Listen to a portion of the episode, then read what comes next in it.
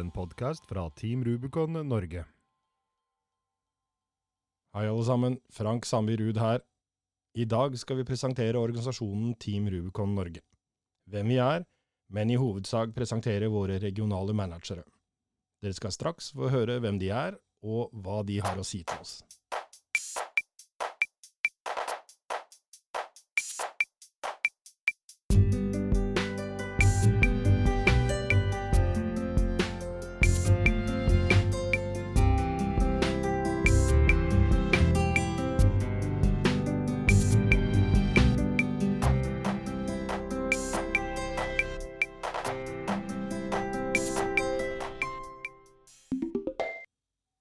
Den 29. oktober 2012 traff orkanen Sandy østkysten av USA og gjorde store ødeleggelser i deler av New Jersey og New York. Team Rubicon USA hadde forberedt innsatsen før Sandy traff fastlandet.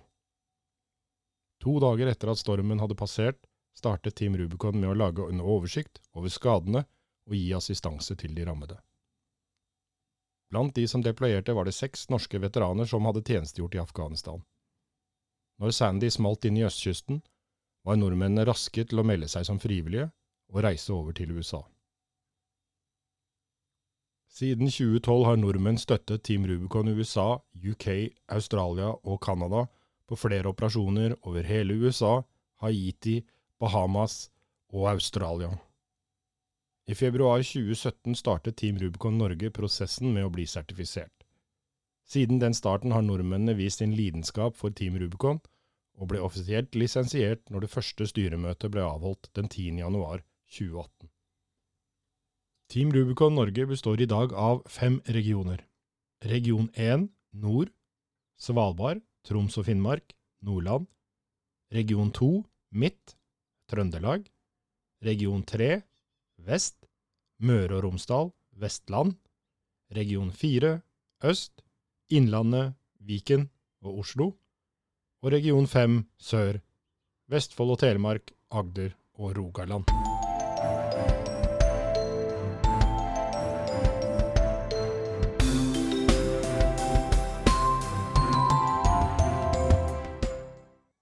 Hei alle sammen, da har vi med oss førstemann ut, og det er regional manager region 1 og styremedlem Jon Petter Bakke. Kan ikke du fortelle litt om region 1, Jon Petter? Region 1 består som kjent av Svalbard, Troms, Finnmark og Nordland.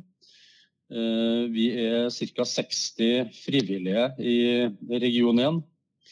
Og vi har en enorm geografisk spredning som gjør at det er få frivillige på samme sted. I Narvik, der jeg holder til, så er vi fire stykker. Men eh, noe av det som er interessant i Nord-Norge, det er jo bl.a. Eh, geografien. Som gjør at vi har nok av geografiske og klimamessige utfordringer.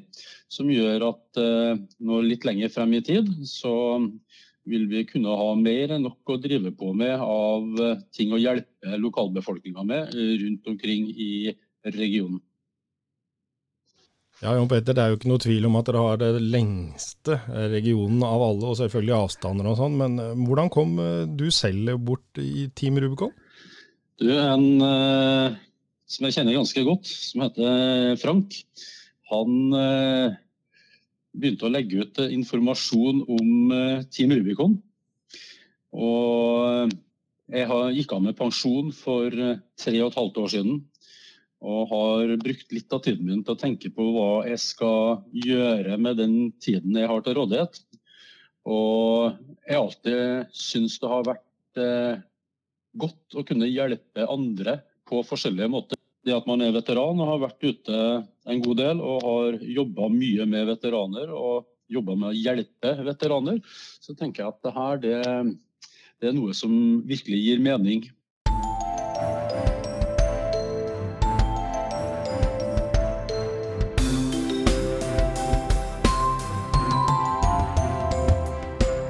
Ja, du nevner veteran. Du har jo selv vært ute. og Hvilken militær bakgrunn har du, og når satte du i gang inne i systemet? Jeg begynte i Forsvaret i 1978. Og som mange andre, tror jeg, så søkte jeg Forsvarets flygeskole. Der var jeg med til slutten av opptaket, og så fikk jeg beskjed om at uh, her passa ikke jeg. Men Forsvaret var jo noe som jeg var ganske tent på, så da begynte jeg på befalsskolen for Hærens sanitet. Og uh, etter det så har det blitt krigsskole, det har blitt forvaltningsskole, det har blitt stabsskole og en rekke kurs og noe utdanning i, i, utlandet. Så jeg har brukt hele arbeidslivet mitt i Forsvaret og har tjenestegjort i Midtøsten i to kontingenter, på Balkan i tre og i Afghanistan i to kontingenter. Du nevnte at du har eh, erfaring med å hjelpe veteraner. Kan du utdype det noe mer? Ja, jeg har vært sjef for eh, Forsvarets veteransenter Eh, og på Forsvarets veteransenter så er det jo mange forskjellige kategorier gjester som bruker senteret. Eh, overvekten av de som bruker senteret, er veteraner som har forskjellige typer utfordringer. Eh, og gjennom den jobben så har jeg da truffet veldig, veldig mange veteraner. Og hvor en del av de trenger hjelp Alt ifra å kunne bli kobla opp mot en eller annen form for terapeut, psykolog f.eks. Det er noen som har eh, problemer med alkohol. Det er ganske mange som har problemer med økonomi, som eh, vi hjelper. Og så er det Jeg tror det viktigste det er å eh, ha et samvær med veteraner som er positivt. Eh, fordi at alle de veteranene som jeg har møtt på veteransenteret og for så vidt andre steder, har med seg massevis av erfaring og kompetanse. Og også et ønske om å bruke det på en eller annen måte fremover. Det er jo klart at uh, Mye av det du sier her er jo overførbart direkte til uh, Team Rubicon Norge, uh, hvor man altså benytter veteraners erfaring til å gjøre bistand både nasjonalt og internasjonalt. Hva er din erfaring der? Min erfaring med det, det er at det er så utrolig mye bra kompetanse og arbeidsvilje og arbeidsevne blant veteranene at jeg mener at det er nesten en helt perfekt match for veteraner å bli en del av Team Rubicon. Hvor de kan bruke den internasjonale erfaringa og også erfaringa fra Forsvaret på forskjellige måter inn mot et hjelpearbeid mot mennesker som er i krise og som virkelig trenger hjelp.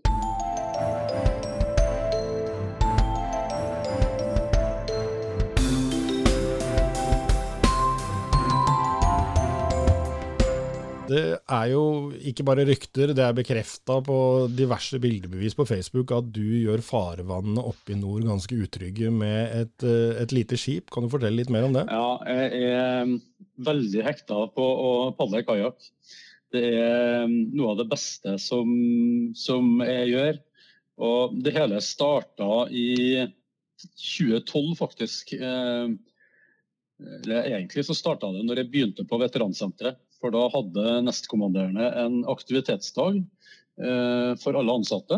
Eh, og vi var en del nye. og Alle skulle prøve kajakk. Jeg var den eneste som holdt på å velte, men så tenkte jeg at mm, jeg skal, det her skal jeg lære meg, slik at jeg kan padle rundt vannet på Bærøya eh, iallfall én runde uten å velte. Og så gjorde jeg noen uh, forsøk som var mindre vellykka. Og så kom uh, Christian Prest til veteransenteret og fikk lurt meg med ut i kajakk en dag uh, i mai i 2012. og det gikk veldig, veldig bra. så to uker etter det så kjøpte jeg min første kajakk, og en uke etter det igjen så var jeg på det første kajakkurset. Og etter det så har jeg padla kajakk så mye som det er mulig å få til. Uh, og det er en fantastisk måte å være ute i naturen på. Ja, presten på Bærøy har ikke bare klart å lure deg ut på vannet, og ikke bare i påsken. Han klarte jo å lure meg også når jeg var på et opphold der, så, så det er jo et veldig bra tiltak. Avslutningsvis eh, så er det jo faktisk et av styremedlemmene i Team, Team Rubicon Norge også. Hvordan eh, gikk det seg til? Jeg hadde egentlig litt sånn tanker om at jeg kunne tenke meg å involvere meg i ledelsen i Team Rubicon når jeg ble en del av det, men så ble jeg også spurt om å være styremedlem. Og det syns jeg er veldig bra. Jeg liker å være med på å ha muligheten til å påvirke det som skjer. Eh, og så lærer jeg utrolig mye av alle andre som er i styret, og som er med på de møtene vi har i styret. Eh, for vi er heldigvis ganske forskjellige, vi som er der. Jeg har stor tro på Team Rubicon som organisasjon. Det er mer enn nok av folk rundt omkring i verden. Det er mer enn nok av folk i Norge som trenger hjelp på forskjellige måter i forskjellige situasjoner. Og Team Rubicon er et fantastisk verktøy for å hjelpe de som har det som verst enkelte ganger. Kjempebra. Da eh, skal vi si eh, takk for at du stilte opp i dag, Jo Peter. Og kos deg ute på sjøen, og hold deg oppe i kajakken. Takk for det. Jeg skal gjøre så godt jeg kan. Så får du også ha en fin dag. Hva ligger egentlig i navnet Team Rubicon? Team viser organisasjonens militære etos med små, sammensatte enheter.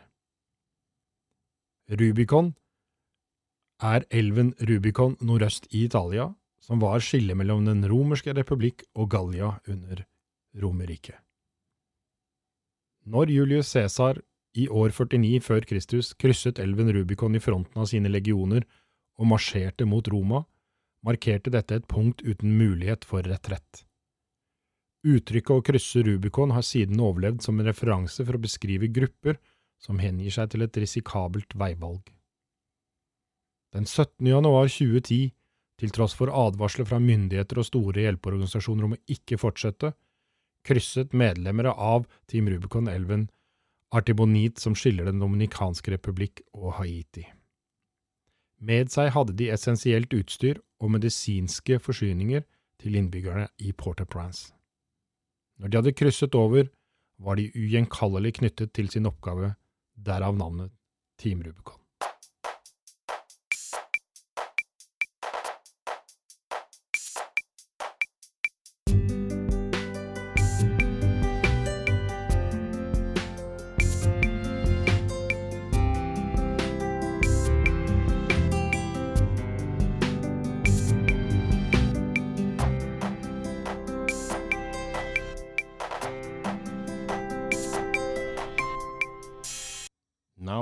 Going to talk to the regional manager of uh, Region 2, David, and the observant listener have noticed that this interview will be done in English.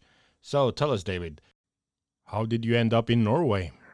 so, Frank, I came to Norway in 2014 after meeting my wife. Well, uh, we were both in California. Uh, she was studying and I was studying, and we met and we both loved the nature and outdoors. And long story short, uh, I moved here to be with her.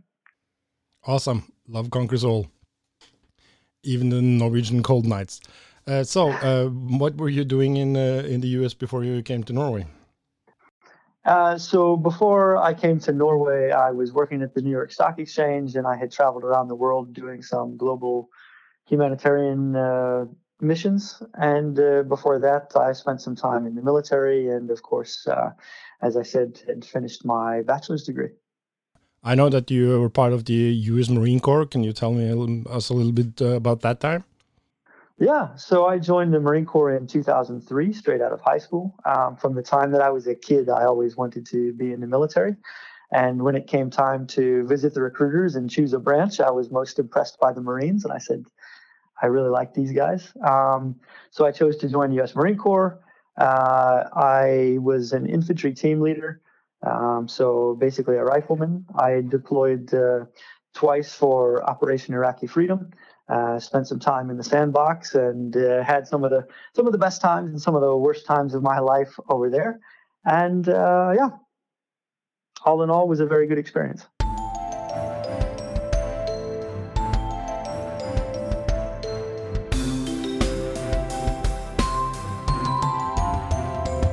I understand that you also came in contact with the Team Rubicon uh, US while you were in the, the US. Yeah, that's correct. So um, almost as soon as I got out of the military. I left the Marine Corps in 2007 slash 2008, and um, in early 2010, I was uh, hanging out with a friend of mine who was a Marine, and uh, some guy walked up and happened to know my friend and said, "Hey, you know, we went to School of Infantry together," and they started chatting. And this guy turned out to be Clay Hunt, who was one of the original founders of Team Rubicon, or was one of the originals on the on the Haiti mission. So I didn't have any friends in Los Angeles because I had just moved there from Camp Pendleton, San Diego area. And Clay and I became really close friends. We're always mountain biking and uh, going camping and on adventures and such. And he got me really interested in Team Rubicon, and I've been doing stuff with them since. Yeah, David, you mentioned uh, Clay Hunt, uh, that you were close friends with him. Uh, could you tell us uh, his story? Yeah, so uh, Clay Hunt was he was an amazing guy. Maybe a lot of people have heard of him uh, through the, the, Clay Hunt Fellowship or something like this with uh, Team Rubicon. But like I said, he was one of the original members of Team Rubicon, and he really embodied what it meant to live a life of service. Um, like I said, when I first got out of the Marine Corps, uh, I was living in Los Angeles, didn't really know anybody, and didn't really know much about you know um, how to deal with experiences uh, from Iraq and stuff like this. And once I met Clay, we started talking, and he just had a very natural way about him that he explained, you know, that he had served in Iraq as a as an infantryman and as a sniper, and that he had some some difficult experiences. I think what was most unique about Clay is that he was always really, really, really open. There's a lot of people who have war experiences who keep it to themselves, who never talk about it um, which is kind of what I did. You know, it was a it was a part of life, but nothing I ever understood or could could talk about or process. And Clay was always really open, and that was interesting to me. And so once I got to know Clay, um, you know, we would go on bike rides together. He introduced me to a lot of veteran organizations, including Team Rubicon. And I think what's most unique about Clay is that he's the one who made it easy for me to have uh, a good transition from the military and into civilian life. And on his forearm, Clay had a tattoo that said, "Not all who wander are lost." Um, and he was a he was a lover of books and a lot of things. He was just a really uh, incredible, friendly, outgoing guy. And at his core, he was just built to serve. He had a passion for service, and I always respected that.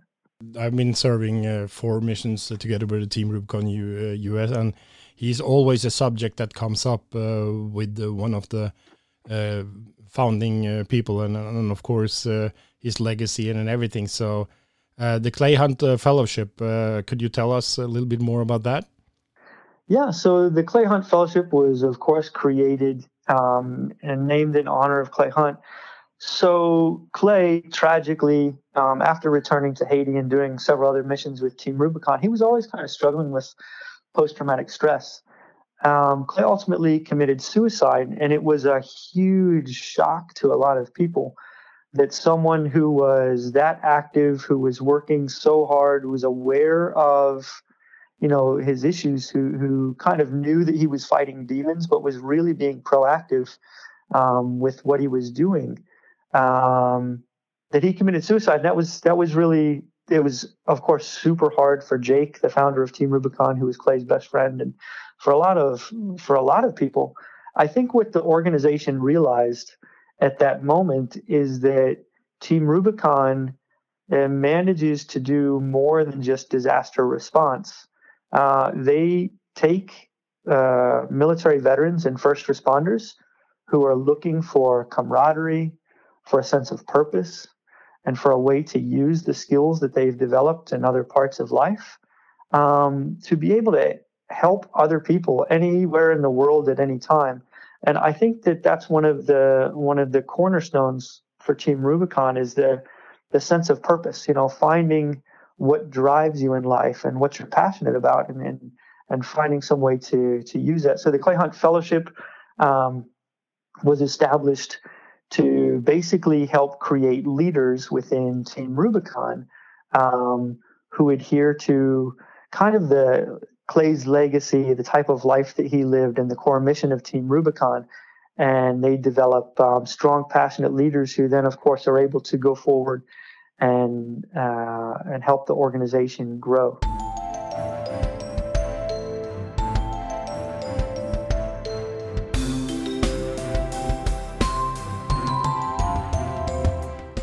Okay, David. Uh, when you were in the US, uh, I know that you served with the Team Rubicon uh, USA. Uh, can you tell us a little bit more about that? Yeah, so while serving with Team Rubicon USA, I think uh, same with a lot of people, it's hard to find time to deploy as much as you want to, but I still managed to deploy a couple of times. Um, I was uh, down in the Rockaways for Hurricane Sandy, and that's the first time that I met some Team Rubicon uh, Norway. I guess Team Rubicon Norway didn't exist at the time, but some Norwegian veterans during a Team Rubicon mission, and they were the first ones. The Norwegians, I think, were the first international group to say, "Hey, uh, we're very interested in what you're doing, and we want to participate. Like, how can we how can we come together and, and do this together? That was really cool. So I met a handful of, um, of the Norwegian veterans there in New York during that time, and it was really interesting. And then in 2013, I deployed to the Philippines for Operation Seabird. And uh, that was, of course, hit by Typhoon Haiyan, this um, really big typhoon that's caused a lot of damage, displaced and killed a lot of people. And that was a really huge operation. It was very interesting because we were working in conjunction with USAID and the U.S. military um, and a bunch of other groups to try and um, basically figure out where we can fit in in the international picture.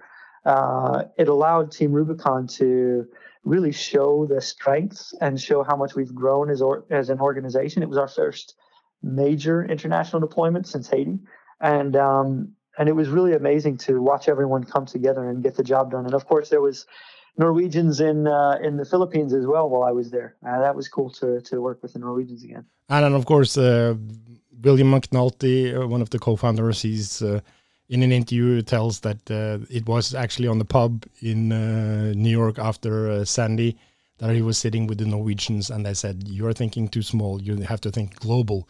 And he gives the Vikings the um, blame for uh, creating the idea of the global for organization, which we see today with 110 uh, volunteers all over the world. So that's uh, that's amazing. that's cool. Yeah.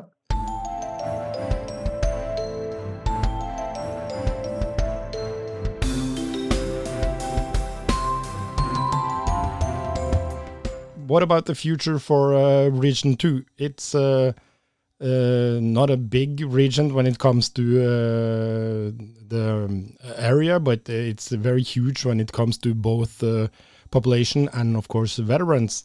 Uh, we know that there's about 61 volunteers, and uh, how should we get the veterans in Trøndelag to sign up for Team Rubicon Norway? Because uh, they're a little bit slow doing this. Yeah, so actually, I have a lot of uh, plans for this. One is that uh, Air Station is not far from me. It's probably a 20 or 25 minute drive. And there, of course, is a, a large um, Norwegian base with lots of people. So, um, first step, I think, is making some connections to get down there and talk with people who are either in the Heimevernet or possibly serving in some active duty role there at the base and kind of discuss with them, you know, uh, what Team Rubicon is all about, what Team Rubicon Norway does, the mission, the purpose of the organization, um, and spread the word. I think that our biggest difficulty here is that it's been hard to really get out the word of what Team Rubicon is all about and what the organization does in Norway. Um, so I think that it's this podcast, for example, is is really good because it allows lots of people all over to be able to listen and to hear more about the organization and to understand what's going on. Um, the other things that we'd like to do here is, of course, just have more general meetups um, to be able to get together, do physical activities together, whether it's running or or exercising, um, to be able to do um, small trainings together of basically any type, whether it's uh, sanitation or uh, medical skills or anything else. Uh, and basically, the one of the most important and also most difficult parts of building any organization is creating a sense of community. So one thing that the U.S. has done extremely amazingly well is to create this sense of community. You know, um, the the idea of being a gray shirt and what that means and the honor uh, that it's that it is to to earn your gray shirt I think that the appeal is the exact same anywhere in the world. Uh, we just need to get the ball rolling and start getting people in um, to let them see both the capabilities and the type of people who are members of Team Rubicon Norway. And then it should grow itself without problem. This is uh, quite a lot of good ideas, and of course we are going to roll this over on the Trønders, so they're going to sign up. So to all you Trønders out there, sign up uh, for Team Rubicon. Uh, that's easy. You just go to teamrubicon.no, and then you have the join a team. The only thing you risk is you getting a newsletter after you sign up. So so so that's something we uh, encourage everybody to do. Thank you for uh, participating, David, and uh, enjoy the spring up in uh, the middle part of Norway. Is there any final words you want to say to our listeners? Yeah, for anyone who's listening, I would say that if you are already a member of Team Rubicon, then thank you for your willingness to continue serving and to use your skills to help other people.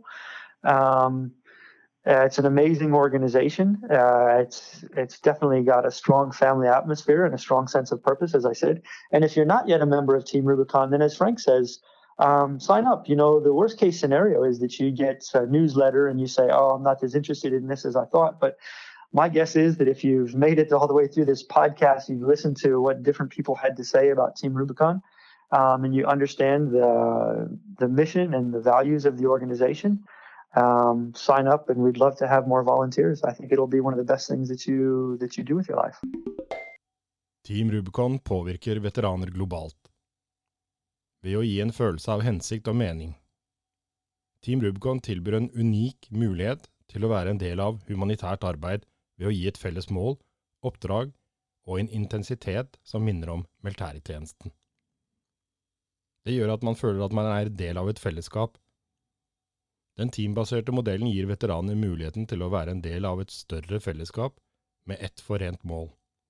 Dette gir for veteraner en kjent følelse av tilhørighet og kameratskap. Det gir en følelse av identitet. Veteraner får en styrket selvfølelse ved å stolt identifisere seg med Team Rubicon gjennom meningsfullt nødhjelpsarbeidet de bidrar til i de rammede områdene.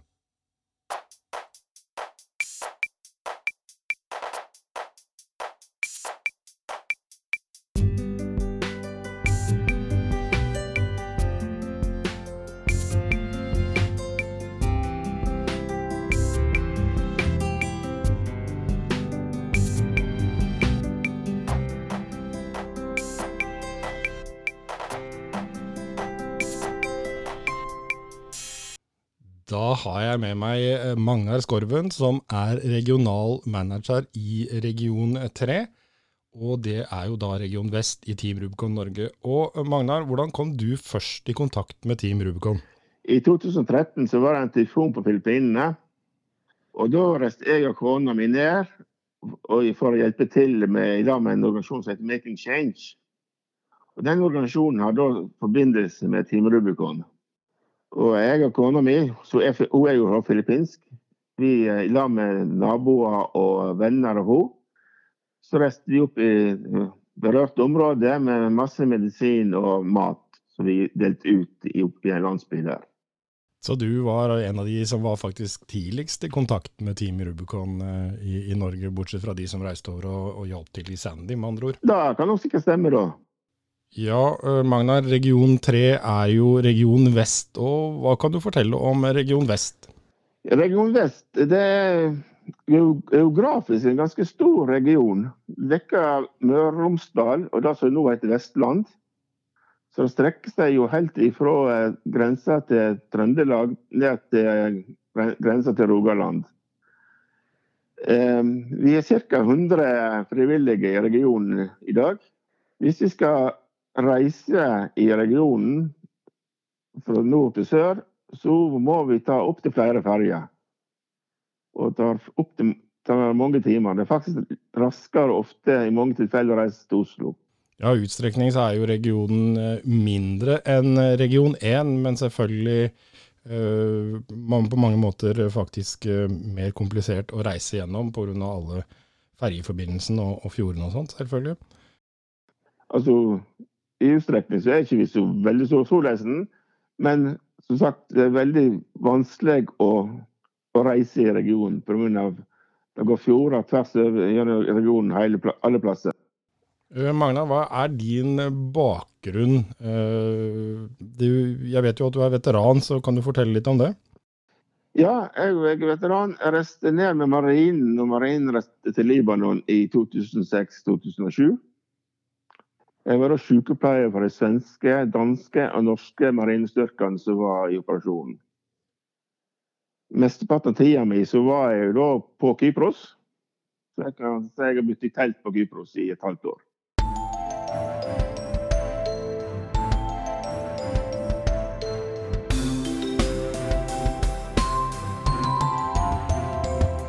Ja, Magnar, eh, på eh, den sivile biten, hva driver du med der? Nei, eh, fram til eh, 1. mars så eh, jobba jeg i ambulansetjeneste i Helse Førde. Og eh, så skifta jeg jobb nå, og nå jobber jeg i heimesykepleie i Sunnfjord kommune. Jeg er da sykepleier og ambulansearbeider. Gratulerer med ny jobb. Takk. Magnar, eh, eh, Region 3 var jo aktivt i fjor for eh, å være med på Fem for hvalen. Hva gjorde dere da?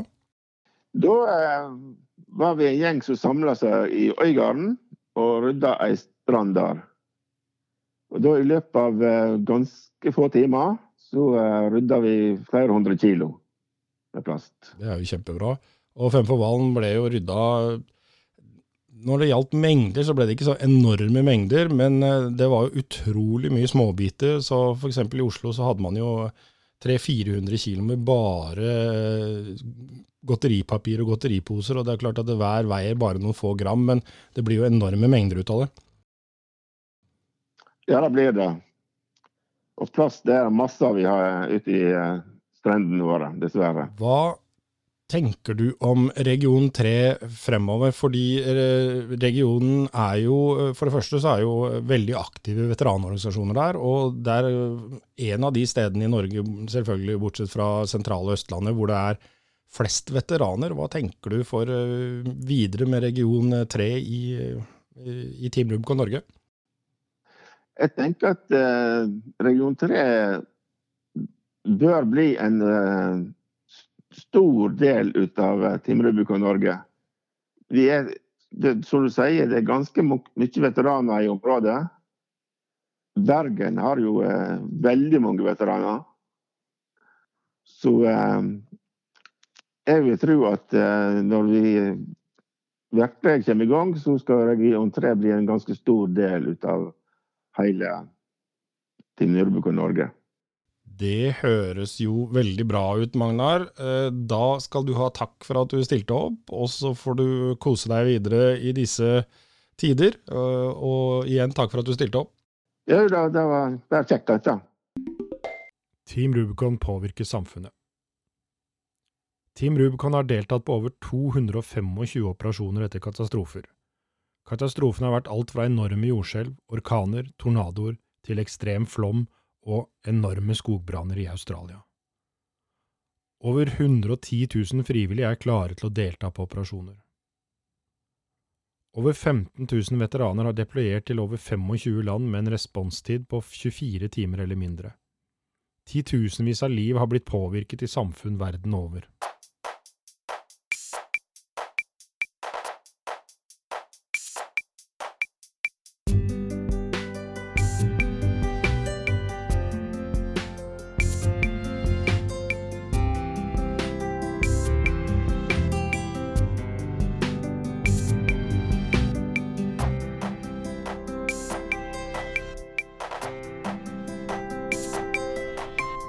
Har jeg med meg Steve, som er regional manager i region 4 og training manager. Eh, Kan ikke du fortelle litt om deg selv, eh, Steve? Navnet er jo da Stiv Kaspersen, bor i Sarpsborg. Jobber da i politiet i Sarpsborg. Har jobba i Forsvaret før det. Jobba åtte år i Forsvaret. Har da valgt å slutte i Forsvaret og satse litt på familie, da. Så nå har jeg vært i politiet snart 13 år. Ja, Steve, jeg får litt pes for at jeg legger ut for mye matbilder og spammer folk med det når jeg lager, men eh, jeg vet ikke, får du pes for at du legger ut løpebilder? Og eh, utgangspunktet til spørsmålet er jo hva i granskagen er det du holder på med? Du er jo sett i joggesko både i snø og vind og uvær og opp og ned og sol og bort, og hva er det som skjer? jo da. Eh, jeg får jo litt pes da å legge ut så mye løpebilder, og folk lurer på hva i all verden jeg driver med. Eh, og det er jo litt sånn eh, billig legger igjen fordi jeg har eh, sponsor. Jeg syns det er kjempeflaut å stå og ta selfies eh, på parkeringsplasser eller sånn når folk ser på. Men det er noen sånne sponsoravtaler som gjør at jeg må legge til noen bilder i løpet av uka. da. Men fascinasjon på løping kan jeg liksom fortelle litt om. Det var jo sånn i slutten av Forsvaret. Så, så, så fikk jeg da en litt eh, bra tips og sånn og en kompis i Spesiallegekommandoen som syns, syns, jeg burde prøve å, å, trene litt mer og løpe litt mer og komme meg litt ut i, ut i skogen og sånn etter jobb. Så da, da, var det det som var eh, fokus, å prøve det. Og da ble jeg litt eh, glad i å løpe. Og så ble jo det litt ensformig, da. Så da prøvde jeg å sykle litt. Og så sykla jeg i mange år, og så ble det litt ensformig. Og så svømte jeg litt, og så syntes jeg det ble litt ensformig. Og da, da slo jeg det til sammen, og så ble det triatlon. Og det holdt jeg på i mange år, og, og hele verden rundt. Og, og, EM og litt forskjellig. Så da, da blei det, ble det sånn. Men de uh, siste åra må jeg ha prioritert litt familie og sånn, så da har jeg gått ned på det. Men jeg har ikke gitt opp å løpe. Og det er fortsatt det. Det er liksom den tanke, tanken om uh, mental restitusjon som gjør at jeg fortsetter å løpe. Det er trusler på jobben, og det er litt sånne inntrykk man uh, må bli kvitt i hverdagen som gjør at jeg fortsetter med det. Du kan jo definitivt defineres som en politiveteran, men jeg vet jo også at du er eh, militærveteran, Stiv. Kan du ikke fortelle litt om eh, hva du har gjort i Forsvaret? Ja, jeg kan jo fortelle litt sånn eh, forsvarsbakgrunn. Det er av befalsskolen for kavaleriet, gikk på Rena.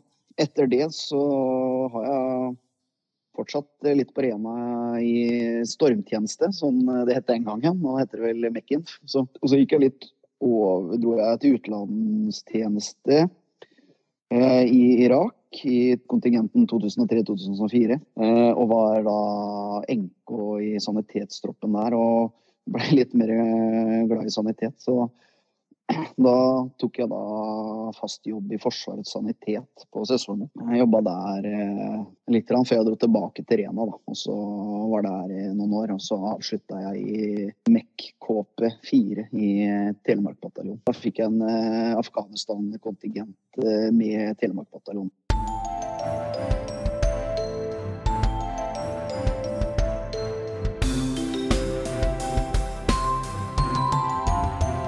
Hvordan kom du i kontakt med Team Rubicon Norge første gang? Kontakt med Team Rubicon er helt tilfeldig. Jeg, vel, eh, jeg så egentlig bare en reklame om det av en eller annen på Facebook, mener jeg. Også, og syntes liksom at det virka ekstremt interessant. For det, og det å, å, holde kontakt med litt eh, veteraner igjen og gjøre en innsats sånn som veteraner, syns jeg var interessant. Det gjorde at jeg meldte meg inn i, i Team Rubicon. Ikke, ikke nødvendigvis for å reise ut, som jeg vet at mange jeg har snakka med er motivert for eh, mest, men eh, for å gjøre en innsats sammen med veteraner i Norge. Din region 4 er jo den største i Norge. Det er jo 250 frivillige som er registrert der. og uh, En del av de har jo allerede vært ute på oppdrag med Team Rubicon på forskjellige steder.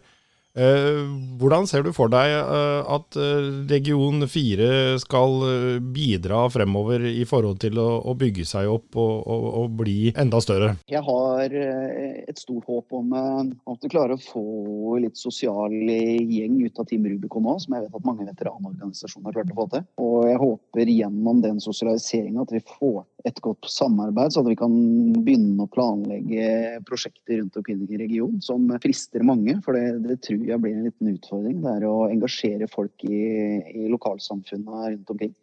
Ikke, for jeg vet at mange ønsker å, å reise ut, og det, det, skjønner jeg godt. Men jeg håper liksom at eh, vi klarer å få engasjert eh, nok folk til interessante oppdrag her hjemme òg. Ja, de, Vi er jo inne i en veldig spesiell situasjon for landet. og Alle har fått beskjed om å holde seg hjemme, men eh, man har jo ikke fått beskjed om å sitte musestille i et hjørne. Og vi leser jo da at folk eh, legger på seg, man, blir, eh, man kjeder seg, og mange får jo da omtrent psykiske sammenbrudd av denne isolasjonen. Har du noen gode råd som training manager og løpegærning i disse tider? Ja, eh, det er jo det som har hjulpet meg opp igjennom. Det er jo å være ute i friluft. Så det, det, må jeg si jeg anbefaler på det sterkeste. Altså, det er ingen, altså Koronaregelverket sier at du skal være minst mulig blant folk, men det sier jo ingenting om at du ikke kan komme deg ut i skogen. Så, så, selv om det begynner å bli en del folk der, så anbefaler jeg å komme seg ut og, og, og nyte tida. Og det er det å isolere seg sjøl inne, det er, det er tungt. Og, og, fysisk trening er veldig stimulerende, sånn, både for hodet og kroppen. Så og det er, eh, det er sånn. Jeg ser mange trøstespiser og sånn, og det, det, må vi prøve å unngå. Det er jo absolutt eh, gode råd å ta med seg veien, og foreløpig så er det jo ikke påvist at verken elg, rev eller andre ting som er ute i skogen smitter med korona, så, så, dette er bra.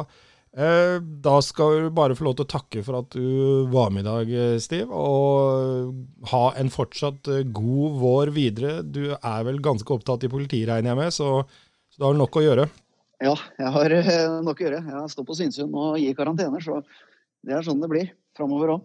Så jeg skal kose meg i helga. Nå skal jeg ut og løpe. Det er bra, Stiv. Og da hører dere, folkens. Ikke reis til Sverige, for da får dere karantene av Stiv. Ha en fortsatt god dag videre. Ha det bra. Team Rubicon har startet en bevegelse. Team Rubicon rekrutterer, trener, utstyrer, organiserer og deployerer veteraner for å støtte i nødhjelpsarbeid over hele verden. Dette er vår måte å bygge en bro mellom veteraner som kommer hjem etter tjenesten, og deres hjemkommuner. Vi viser på en svært synlig måte at veteraner besitter ferdigheter og ressurser som kan brukes.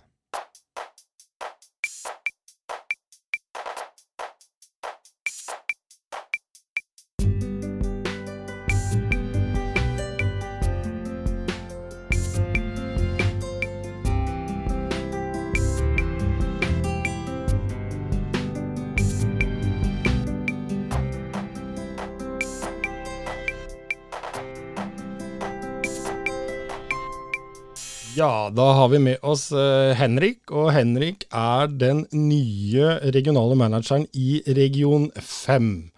Og uh, Henrik, eh, kan ikke du fortelle oss litt kort hvem du er? Jo, det kan jeg. Henrik heter jeg. 39 år blir det i sommer. er gift og har to barn, to gutter. En på fire og en på nå ti uker. Så mesteparten av tida nå om dagen går jo med på familie. Det er vel egentlig meg, kort fortalt. Ja, Henrik, du har jo en eh, bakgrunn fra Forsvaret. Kan du ikke fortelle litt mer om det? Det har jeg. Eh, jeg begynte i 2000 som førstegangstjeneste i Kirkenes. Eh, og dimitterte vel fullstendig, det blir vel i 17. Men, eh, så jeg har jo vært over hele kongeriket, da. Eh, eh, startet som infanterist og innenfor oppklaring. Og endte opp med å finne den store lidenskapen, blei jo samband. Så jeg er jo ordentlig sambandsnerd. Har vært med på mye morsomt utvikling der av de systemene som er i bruk. Så samband står meg mest i hjertet og også etter en tjeneste. Ehm, helt klart. Ehm, så det er også blitt en hobby, faktisk. Så når man snakker med deg, så bør man si over, over? Nei. Absolutt ikke. jeg vet også at du har vært eh, i utenlandstjeneste, Henrik. Eh, kan ikke du mm. fortelle litt kort om det? Jo, jeg har vært både i Afghanistan og i Afrika, eh, i Tsjad. Så jeg har eh, vært ute og reist en del med det òg. Jobbet der på de oppdragene som har vært behov for meg der.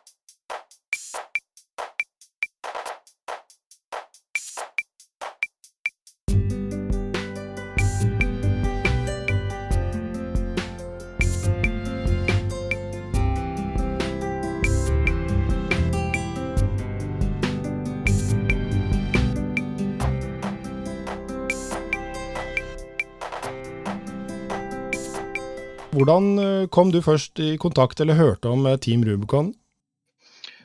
Det er egentlig eh, litt um, artig. Um, jeg Altså, jeg er ikke jeg er ikke så veldig aktiv i de norske veteranmiljøene, men jeg er faktisk litt aktiv i de amerikanske. Uh, fordi at jeg har noen venner der borte som jeg har tjenestegjort med. Så jeg er medlem i et par amerikanske veteransider på Facebook som heter Dysfunctional Veterans. Det er faktisk der jeg hørte om Team Rubicon første gang. og så litt på konseptet, og så fant jeg oss eh, via Team Rubicon sin sider at det var også en norsk avdeling. Team Rubicon i USA er jo den opprinnelige Team Rubicon-organisasjonen, så det er jo klart at nå er vi jo en del av den globale, så nå finnes det jo Team Rubicon i uh, USA, UK, Canada og Australia, og Norge selvfølgelig. I Norge så har vi jo ca. 600 frivillige.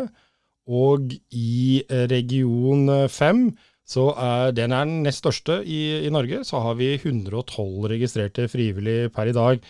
Eh, vi lyste jo ut eh, stillingen for regional manager i region 5. Hva gjorde at du hoppa på den biten, Henrik? Eh, jeg syns For det første så syns jeg Eh, stillingsinstruksen virka veldig interessant og ligna også litt på hvordan jeg jobbet tidligere. Nå er det jo sånn at jeg dessverre har blitt, fått skader etter internasjonal tjeneste og er ufør i dag. Uh, men jeg ønsker å komme tilbake til yrkeslivet. Eh, og jeg så også den stillingen her som eh, et springbrett eh, også til å ha på CV-en for å kunne komme meg tilbake som arbeidstaker. Så det var en god blanding av de punktene som gjorde at jeg søkte. Team Rubicon er jo en veteranbasert organisasjon. Vi har ca. 70% veteraner blant våre. Og 30 er jo det såkalte kickass sivile, eh, gjerne førstelinjes hjelpere og tilsvarende. Hvordan tenker du at Team Rubicon kan være, som du sier, et springbrett eh, for å komme seg videre eh, i systemet eller i, i arbeidslivet? Jeg ser det som på en måte litt arbeidstrening. Det å kunne ha forholde seg til litt mer enn bare hva som foregår hjemme trene meg til å ta ansvar, trene meg til å,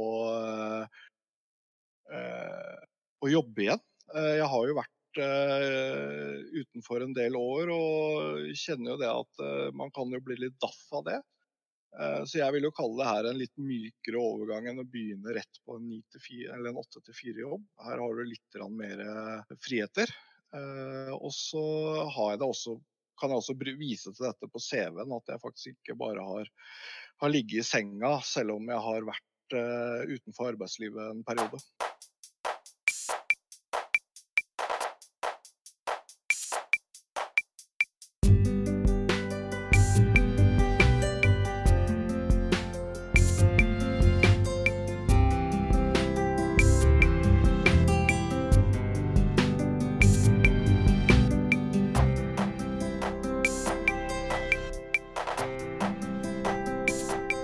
Dette er jo en av uh, si, hovedformålene til Team Rubicon. Det er jo å, å, bygge en bro mellom det militære og det sivile liv.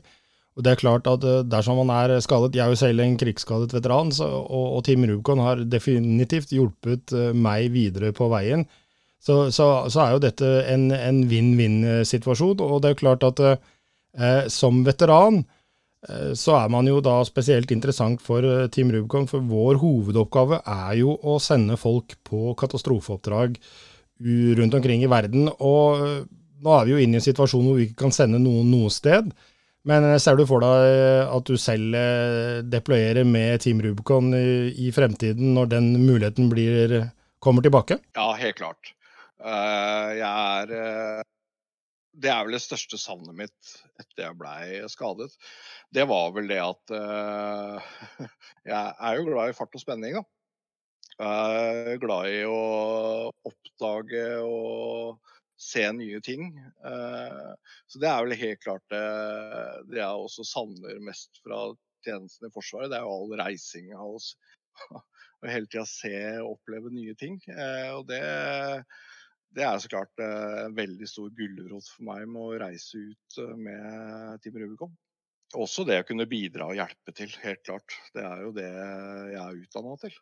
Så jeg ønsker å bruke den kompetansen jeg har, og bruke den videre. Det gir eh, Team Rubicon meg mulighet til, fremfor eh, jobber som er vanskelig å få i det sivile for meg. Så kan jeg få veldig mye utbytte av Team Rubicon, og Team Rubicon får mye utbytte av meg. Da er jo region 5 som sagt en av de største regionene, og nå kommer jo dessverre nyhetene om at eh, det største arrangementet som vi pleier å være med på, Arendalsuka, er avlyst for i år. Og vi ser jo ganske mye eh, ting som, eh, som blir stengt ned pga. dette. Nå er vi jo på vei inn i mai. 8. mai, eller man kan jo starte på starten, 1. mai, 8. mai og 17. mai blir i beste fall kun reduserte markeringer uten noen større samlinger. Eh, hva tenker du eh, vi kan gjøre for å engasjere regionen fremover på en måte som gjør at vi overholder eh, disse smittebestemmelsene så lenge den situasjonen er der, men også for å engasjere regionen i en tid hvor det er vanskelig å møtes og vanskelig å få til noe større ting? Nummer én så er det jo helt klart hvis du har flaggstang eller mulighet til å flagge, så er det å få det flagget opp klokka med en gang det er på flaggtidene. Det er liksom ingenting gjør meg Det syns jeg er en helt herlig følelse å kunne gå ut 17. mai og heise flagget i hagen min. Uh, da liksom føler jeg virkelig Ja, da føler jeg på en måte at dette er jeg litt stolt av. Uh, men hvordan å samle altså Jeg har tenkt litt på noen ting. Jeg har sett på litt muligheten på å kanskje åpne, få åpna en Discord-server som vi kan få samla regionen i. Eh, som er, eh, jeg vil si, bedre løsning enn eh, Facebook og sånne ting. Se litt på det litt seinere.